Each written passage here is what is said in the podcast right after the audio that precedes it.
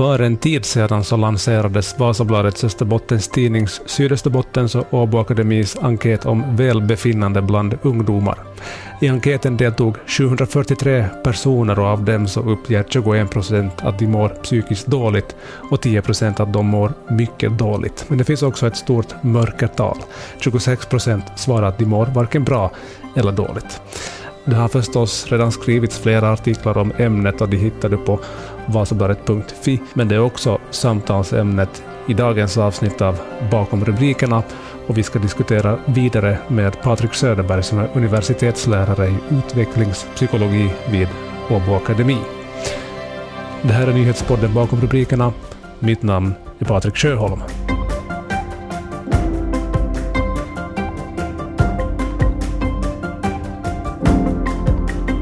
Vi ska väl säga här att vi har inget jämförelsetal att jämföra med, men vad säger det dig att 21 procent uppger att de mår psykiskt dåligt och 10 procent att de mår mycket dåligt? Mm. Ja, det, det, är bra, det är bra frågor det där. Ja. Lite kolla, kolla på de här siffrorna också. Det, det, det är så som du säger att vi har inget jämförelsetal och, och det finns ju också alltid med sådana här, sån här enkäter att, att det är liksom folk som själv väljer att gå in och svara på dem och sånt så att det finns liksom en viss sån där självselektion där att, att, att vem som svarar på dem. Men, men, men samtidigt är det ju liksom nog, får man ändå, ändå liksom säga det att med så här många deltagare så är det ändå eh, höga siffror. Alltså att det, det är ändå många som, som uppger att de mår dåligt och, och på ett eller annat sätt liksom upplever att det här, det här året har varit ganska utmanande. Mm.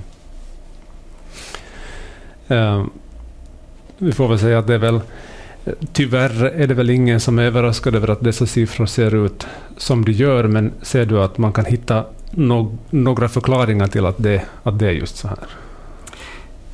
Ja, det, det, det, det finns ju nog. Det har nog kommit, kommit under året också många, många olika förklaringar förstås. Att vad, vad beror det på? Vi, vi ser ju det internationellt också det här att, att liksom unga, unga överlag liksom mår, har mått, mått sämre under, under det här året som varit. Som, precis som samhället i stort egentligen får man väl säga.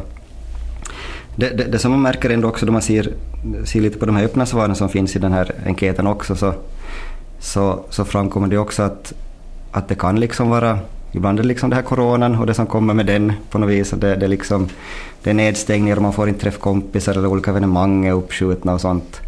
Uh, man måste ha masker på sig och liksom uh, hela den, den biten. Uh, men sen, sen parallellt med det förstås också andra saker som inte, inte egentligen har att göra med coronan. Då, att det, det är liksom sådana typiska tonårsutmaningar mm. liksom, utmaningar helt enkelt. I att, i att växa upp och i, liksom, i att hela den, liksom, den livssituation som man befinner sig i på något sätt. Mm. Mm. Så det, det, det, ska ju på nyss sägas också att, att, att av de här som, som, som uppger att de mår dåligt så är det ju inte liksom alla, alla som gör det på grund av just hur speciellt det här året har varit. Uh, på något vis tänker jag kanske att det Ja, jag, jag funderar lite nästan på det blir nästan en sorts sån där fyrfält det där mellan, mm. mellan liksom att hur man mår och, eh, och det här liksom vilken in, influens eller vilken, vilken påverkan coronan har. Att, liksom att vi har, vi har liksom de som mår dåligt på grund av coronan och vi har de som mår dåligt av andra orsaker. Mm. Och sen också de som inte mår dåligt och de som till och med mår bättre tack vare liksom den här situationen som, som det medför sig att man inte har behövt kanske vara i skolan. Mm. Eller att man liksom haft fått mera tid med familjen eller man har haft liksom mera tid att fundera på vad man själv vill med sitt liv. Mm. Så, så på något sätt, samtidigt som det finns de här oroväckande siffrorna, kanske man får ändå få sig i, i, det här, i den här undersökningen, så tycker jag också att det finns som det som slår mig på något vis när jag ser på det att, att liksom vilken variation det finns också i, ja. i hur unga har det och hur unga liksom har, har tagit sig an liksom den situationen på något sätt. Mm. Ja, precis. För, för det som du är lite inne på här, så vi, vi ska ju uppmärksamma det faktum att 34 procent av de som svarar på enkäten så svarar att de mår väldigt bra. Hur, mm. Kan man se någon förklaring till varför? Alltså det är väldigt stora variationer här. Ja, det, det, det är nog det. Och, och fråga också det att, liksom att hur, hur nöjd är man med sitt liv just nu? Och, och där ser jag att ungefär hälften svarar att, de är ganska nöjda och liksom trivs man i skolan så har vi två tredjedelar ungefär som säger att, att man, man trivs i skolan. Mm. Uh, sen finns det också liksom det finns lite åldersskillnader också i det här materialet. Liksom att, att de som är yngre så tenderar liksom att rapportera att de mår, mår bättre, uh, trivs bättre i skolan och sånt medan, medan speciellt liksom äldre tonåringar kanske så, så är de och unga vuxna som liksom uh, har upplevt det kanske extra utmanande och, och stressande den här situationen. Mm. Uh, men, men, precis som du säger, alltså att, att det, det är ju många som mår väldigt bra också. Det är, de, det är också de som skriver att, att, att oj, nu lärde jag mig att volta här under den här liksom lockdown, Ja, eller, ja. eller nu fick jag äntligen tid att sitta och liksom fundera på, på hur, hur jag vill ha det i mitt liv, eller, eller att jag är kanske ganska blyg av mig och, och, och det var nästan ganska skönt det här att få liksom få vara lite för sig själv ett tag. Så det, det, det finns ju som en väldigt, väldigt stor spännvidd då. Och, och det där ser vi ju som, det där ser vi ju hela tiden på något vis också i samhället. Att, att vi pratar om hungermår så, så har vi liksom vi har många som mår väldigt bra ändå. Och det, det är ändå på något vis grundläge på något vis att må tillräckligt bra och sådär. Mm. Men sen finns det förstås också de som, de som har det sämre. Och, och där då en av de som har det sämre och som, som på något sätt rapporterar någon form av psykisk ohälsa kanske. Så, så där också så får man kanske göra lite skillnad mellan, mellan å ena sidan de som rapporterar mera så här ska jag säga, psykiska besvär, kanske att man känner sig orolig, man har svårt att sova, man känner sig stressad och sånt. Uh, och sen å andra sidan de som har mera, kanske rapporterar liksom, eller diagnostiseras med någon form av psykisk sjukdom eller, eller liksom någon form av neuropsykiatrisk funktionsnedsättning och sånt liksom, som är mera, mera gravare former. Mm. Och, och förstås i en sån här undersökning så sam, samlas ju allting lite under samma tak på något Precis. sätt. Ja. Eh, så också i de där som mår, de som rapporterar här uppe att man mår dåligt så finns det förstås en väldigt stor Mm. stor liksom spännvidd på något sätt. Och, och där kan jag nästan tänka att, att liksom det här, den kategori där man, där man liksom upplever det här som jobbigt eller man har, har liksom olika former av mildare symptom så, så, så är det ju det, det är ju nästan ett friskhetstecken kan vara också att man liksom reagerar på en, på en situation som inte blir så lyckad. Mm. Medan för andra då så, så medför den här, så den här situationen liksom vi har befunnit oss i liksom fört med sig ganska mycket gott. Mm. Att, att vi hade ju också, också en sån här, parallellt med den här ungdomsenkäten så hade vi en sån här enkät till vårdnadshavare och föräldrar. Och, och, och där ser vi också att, att ur, ur det perspektivet så, så är det ju om jag drar, drar siffrorna lite ur hatten här Ja. så är det kanske 60 procent som säger att, att egentligen har liksom inte, inte mående hos barnen ändrats så mycket under det här året. Och kanske en 23 procent, 20-25 procent som säger att det blir sämre och en strax under 20 procent som tycker att det blir bättre. Så där ser man också lite den här samma liksom mångfalden på något Mm. sätt i, i hur, man, hur, hur man har haft det det här året. Ja, precis. Det är kanske för tidigt att säga och dra den slutsatsen att ja, coronaepidemin så har lett till att unga mår sämre. Det är för förenklat. Det, ja, på, på, på sätt och vis. Det är ju nog inte, inte...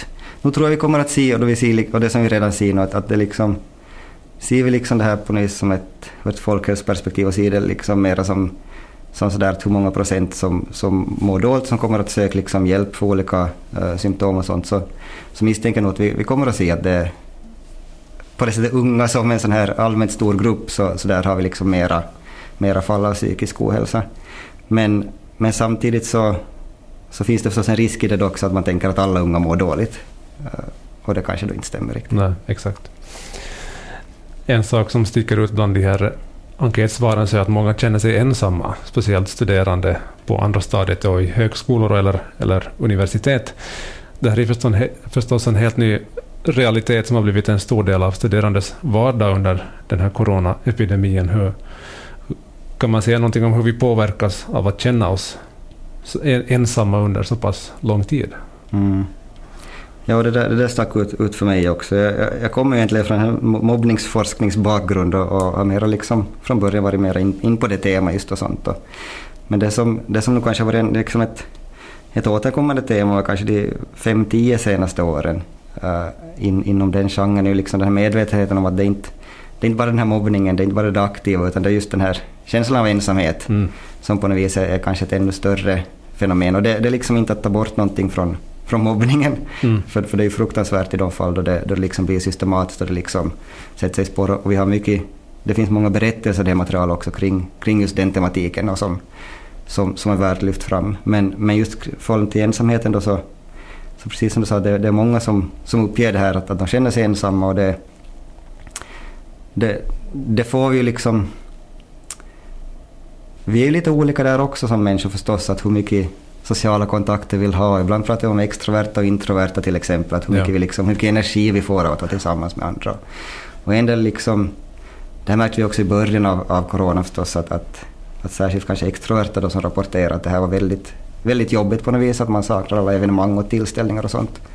medan introverta de mera rapporterar att det här var ganska skönt på Ja, något sätt. ja. Men, men där visar ju nog också studier som har följt upp de här grupperna och sånt där man har sett som över längre tid att, att också liksom människor som kanske initialt tycker att det är ganska skönt att få sig själv så, så drabbas ändå och påverkas ändå av det där att man inte, inte liksom har kontakt med varandra. Mm. Eh, och det finns ju jättemånga studier på något vis som visar att hur, hur sårbara och känsliga vi är för det där att inte, inte ha kontakt med varandra. Eh, och, och speciellt förstås i sån här tid då vi, vi alla går med masker till Mm. exempel och vi, vi, liksom, vi möts via, vi, liksom, vi måste lära oss att kommunicera via, via liksom skärmar på ett annat sätt också. Inte bara som ett komplement utan som det, som det här enda på något vis. Så, så blir de här signalerna vi sänder till varandra vi behöver lära oss på nytt lite att hur, vi, hur vi tolkar in de här signalerna. För, det, för många av de här liksom, som vi är vana att se i ansikten så, så påverkas lite och det blir lätt att vi liksom ser ut så att vi, nu kommer jag inte på det svenska ordet, rejection, Mm. eh, att vi liksom utestänger varandra Ja, lite precis. medvetet på något ja, sätt. Ja, Och det där är vår, vår, vår hjärna jättekänsliga för. Att det, det, det gjordes några intressanta studier här i början på 2000-talet där man just, just uh, undersökte här att hur, vi, hur vi upplever den här att vi blir, inte får vara med helt enkelt. Och man, man hade försökspersoner i ett rum, det här blir ett litet sidospår, men vi hade, liksom, jag kommer in som försöksperson i ett rum och så sitter några andra personer här också, vi sitter och väntar på att vi ska gå in i ett tredje rum där experimentet ska börja. Och så sitter de här personerna och börjar kasta en boll mellan sig.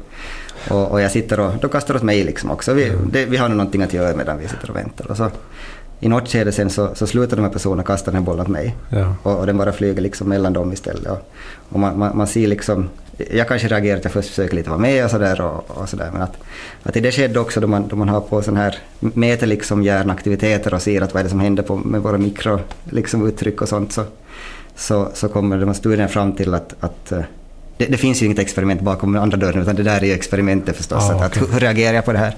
Och då ser man just att det är samma, samma områden i hjärnan på något vis som, som lyser upp som, som när vi känner fysisk smärta.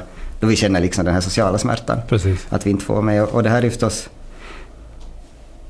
Det här, den här ensamheten som, som upplevs nu så, så är ju en sån där sak som, som riskerar att få liksom ganska långtgående konsekvenser på det sättet att liksom inte, inte bara hur jag känner det just nu utan också hur jag liksom formar mitt eget beteende och hur jag börjar bete mig sen i sociala situationer och hur jag fångar upp att är jag nu också utanför? Då Ja. man, som vän, vänjer sig med att man är ensam så att säga Ja. och, och börjar identifiera sig som, som ensam. Så det, det, det är kanske det som jag... Jag, tycker som sagt egentligen det finns ganska mycket positiva sidor i det här resultatet. Jag var ganska positivt överraskad egentligen med tanke på att folk har själv valt att gå med i den studien, hur många som ändå rapporterar att de liksom uh, har klarat den situationen ganska bra. Men, men just den där ensamhetssiffran var någonting som, som, som jag tyckte var lite anmärkningsvärd. Mm. Vad kul att du har hittat nyhetspodden bakom rubrikerna.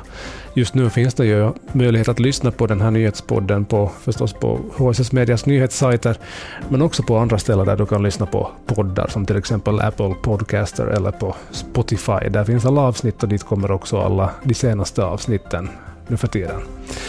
Jag vill ändå påminna dig om att eftersom du är här så tror jag att du är också intresserad av allt annat innehåll som finns på bland annat Vasabladets nyhetssajter. Så om du är intresserad av mera nyheter så tycker jag du ska gå in på vasabladet.fi och bekanta dig med våra nyheter och varför inte också teckna en prenumeration för att på det viset stödja den journalistik vi gör här. Det betyder jättemycket för mig att du lyssnar på det här intressanta ämnet som vi nu ska fortsätta med. Det handlar alltså om ungas välbefinnande och hälsa.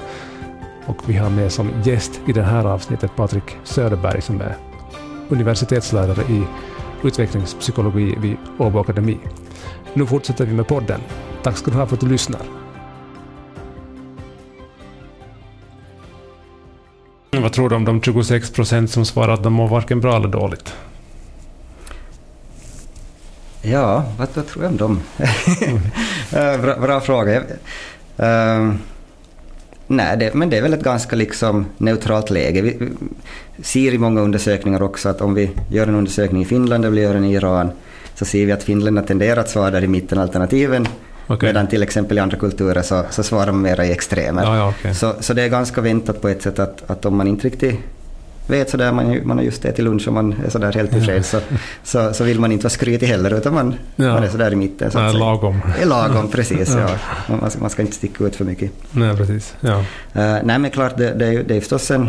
Man, å andra sidan kan man se det som en balanssak där också, att var, vart är det på väg? Och det, det är kanske det som är lite bristen med, med den här sortens undersökning också, att, att vi tar liksom en... Det blir som ett, en ögon, ögonblicksbild på sätt och vis, det är som ett fotografi som vi tar med en sån här enkät. Fast vi frågar att hur har det varit senaste året eller Ja. senaste läsåret. Eh, så blir det ju ändå lite att hur känner man, hur känner man det här nu? Och, och det kan ju hända att också de som har svarat här kan det hända att, att det händer saker i livet som gör att nästa vecka mår man lite annorlunda Ja, och sånt. förstås, ja. Det, det, det är väl sånt som vi håller på nu sådär forskningsmässigt på något vis att utveckla där, att, att hur vi istället kan, kan mäta saker mera på här och nu upplevelser och se hur, hur det varierar från dag till dag och vad är det som påverkar det Okej. där. Att, Ja. att, eh, men, men för att nu koppla tillbaka till det du sa just att, att hur är det med de här som är mitt emellan så, så tänker jag väl att det är väl helt, helt rim, rimligt egentligen att vara mitt emellan just nu. Ja, precis. Ja. I, I den här enkäten så löd en fråga också om hur, hur nöjd man känner sig med livet och där kan man notera då ett tydligt mönster att ju yngre man är desto nöjdare är man med livet eller ju äldre man blir desto mindre nöjd är man. Mm. Följer det här forskningen överlag eh, då det handlar om lycka och hur nöjd man är med sin tillvaro eller? Mm. Här, här tror jag, det finns vissa mönster i den här enkäten, som till exempel att, att flickor rapporterar mer psykisk ohälsa än pojkar till exempel. Det, det ser vi liksom också sådär internationellt och i många olika studier och sånt. Att, att det här hur man, hur man mår, hur nöjd man är i sitt liv, så det, det beror förstås lite på hur man har ställt frågan i olika undersökningar Ja. och sånt. Men här, här kan jag ändå tänka att vi nog lite ser också en sån här, sån här situationseffekt på något sätt också. Alltså att, att eh, att här har kanske liksom det här samhällsläget ändå haft större påverkan på ett sätt på, på de äldre tonåringarna som är med. Alltså att det har varit... Uh, de, de yngre som, som deltar här så är ändå liksom mera, mera knutna till sina familjer fortfarande och, och man liksom haft, haft mera liksom... Skolorna har varit mera igång och man på något vis haft mer en sån här... uh, ja, på ett sätt kanske mer haft, haft råd liksom att hantera sina vardagliga bekymmer på ett, på ett liksom, fått uppmärksamhet kring det. Med, medan förstås att, att man kommer upp i äldre tonåren och sånt också, så där kommer det ju förstås... Det kommer till som saker som att, att vad, vad ska jag göra med mitt liv till Mm. exempel och vad, vad ska jag... Vem vill jag vara och, och, och sådär.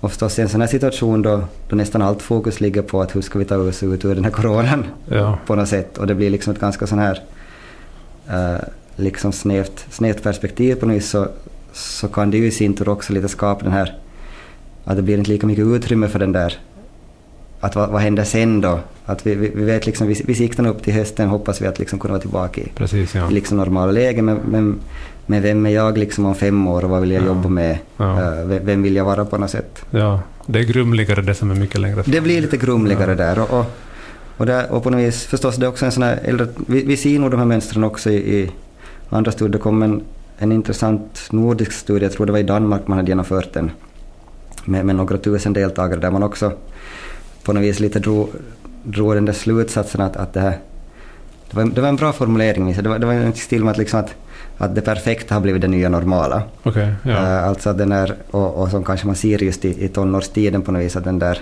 den där eh, förväntan på att man ska liksom vara, vara så bra på så många olika områden. Och det, det, är liksom, det är både förstås sociala medier men det är också skolprestationer och det är liksom, man, borde, man borde vara som på topp på alla, alla områden på något sätt. Och, och det här är någonting som, som kanske äldre tonåringar ännu mer liksom plockar upp för man är ännu mer i en sån fas i sitt liv att man funderar på vem man, vem man egentligen är Ja. och vem man vill vara. ja. Och, och då man får det här budskapet på nyss att man borde, man borde klara det på det sättet där och man borde ha den där vita soffan, de, de där liksom ja. panelerna där och man borde liksom ha samtidigt ha många, många liksom vänner och följare och man borde vara, ja. klara sig bra i skolan så det blir liksom en sån här blir en press kring det. Mm. Eh, samtidigt igen så, så kan jag tänka där också att det är ju det är ju förstås sådär med att man, hur man mår och, och liksom att, att känna en oro eller att känna liksom stress kring det här så, så är ju inte nödvändigtvis en dålig sak heller. Utan det kan ju vara liksom en, det, det kan ju vara en sund reaktion och det kan vara, det kan vara ganska bra egentligen att, att känna en, en, en liksom stress kring att ve- vem vill jag bli? Mm. Vad, vad, liksom, vad vill jag med ett liv? Och att få den där eh, liksom livskrisen på det sättet som, som sätter igång processer kring att, att okej, okay, det är det här jag vill satsa på. Och att, att, men, men det förutsätter på något vis att man kommer ut, ut ur den där liksom krisen, ut ur Ja. det där på ett bra sätt. Att man liksom lyckas landa i det där att, att det här är mitt mål och det är det här som jag, som jag vill och det är det här jag strävar efter. Och, och därför liksom bygger jag upp mitt liv så här.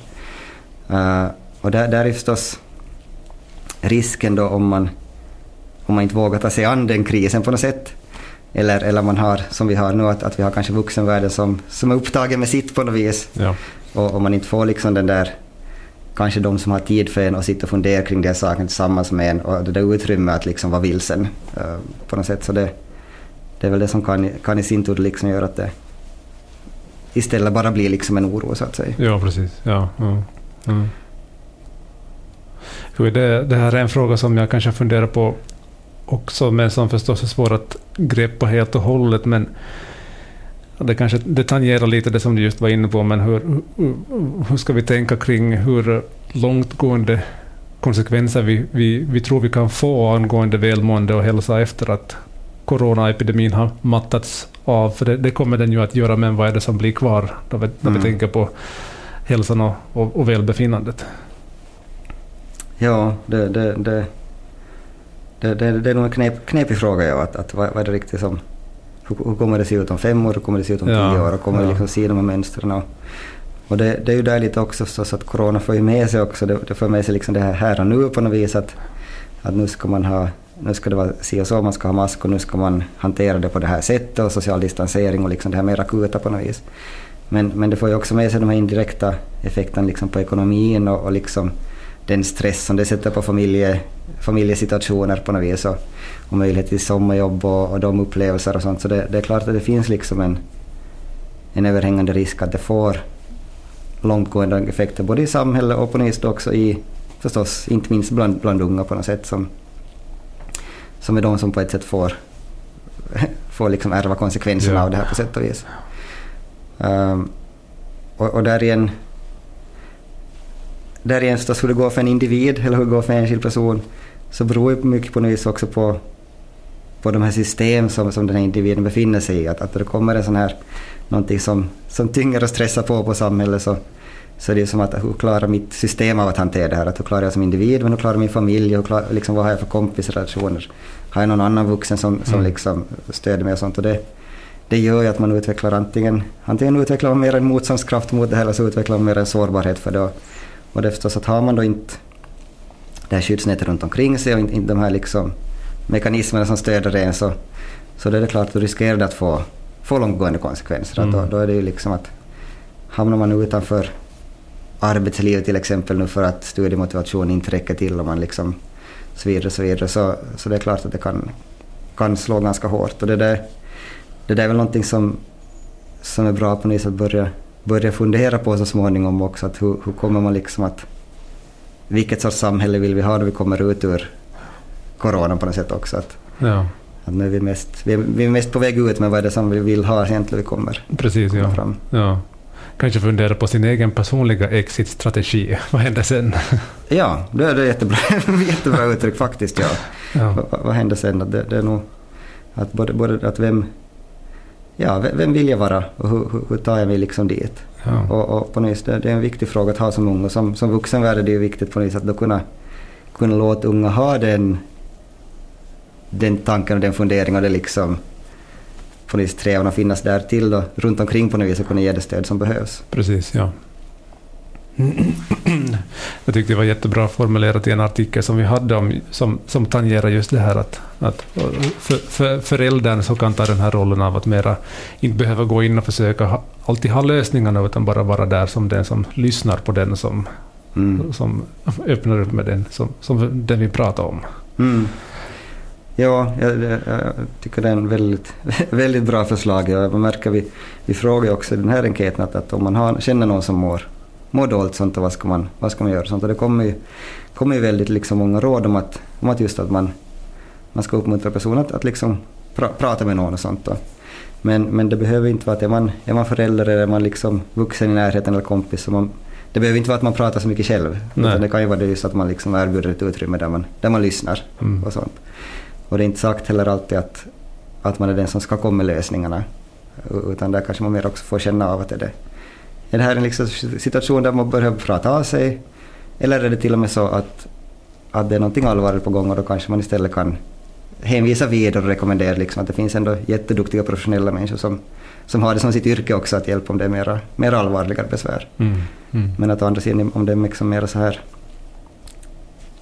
ja, förväntad var liksom det som hör till livet på Nys oro så då, då kanske det räcker bra till att man lyssnar lite. Mm.